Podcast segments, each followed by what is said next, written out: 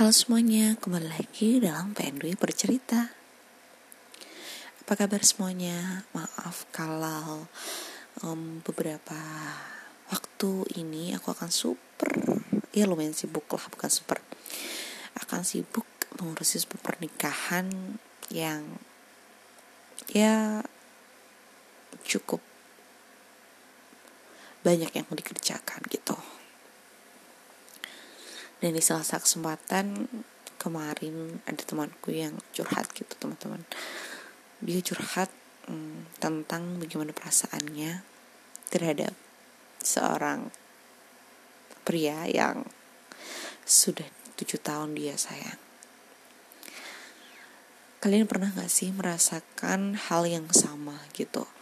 Jadi dia itu memendam perasaan kepada seseorang dari dia kuliah sampai sekarang dan dia tidak pernah mengungkapkan bagaimana perasaan itu.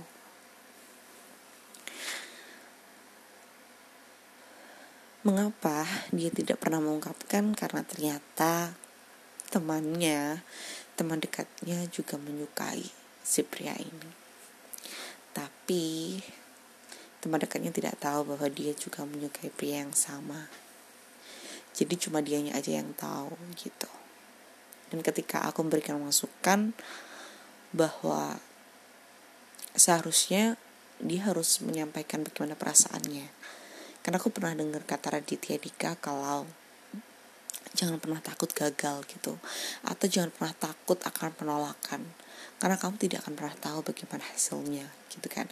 Entah itu dari sisi pekerjaan maupun percintaan. Jadi kalau menurutku sih hmm,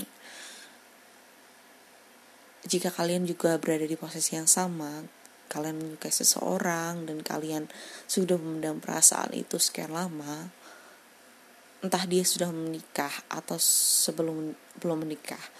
Kalau bisa sih uh, belum menikah ya, kalau sudah menikah ya jangan gitu. Uh, ini untuk apa sih? Kalau menurutku sih lebih ke hal ini dilakukan supaya kamu itu tahu bagaimana kamu selanjutnya gitu. Yang harus melupakan atau ya kita tidak tahu bagaimana responnya dia. Bisa jadi dia menerima atau memiliki hak memiliki perasaan yang sama atau tidak. Atau bahkan juga dia sudah uh, mengikat janji dengan pasangan atau perempuan lain begitu. Tapi minimal kita tahu bagaimana uh, tidak lanjut kita gitu kan nggak mungkin gitu kan kalau uh, kita tidak pernah mengungkapkan juga kita tidak akan pernah tahu bagaimana kita bisa mencintai orang lain atau bisa membuka untuk orang lain. Nyatanya temanku ini tidak mudah move on untuk atau tidak mudah menerima orang lain untuk bisa masuk di kehidupannya atau membuka hatinya gitu teman-teman.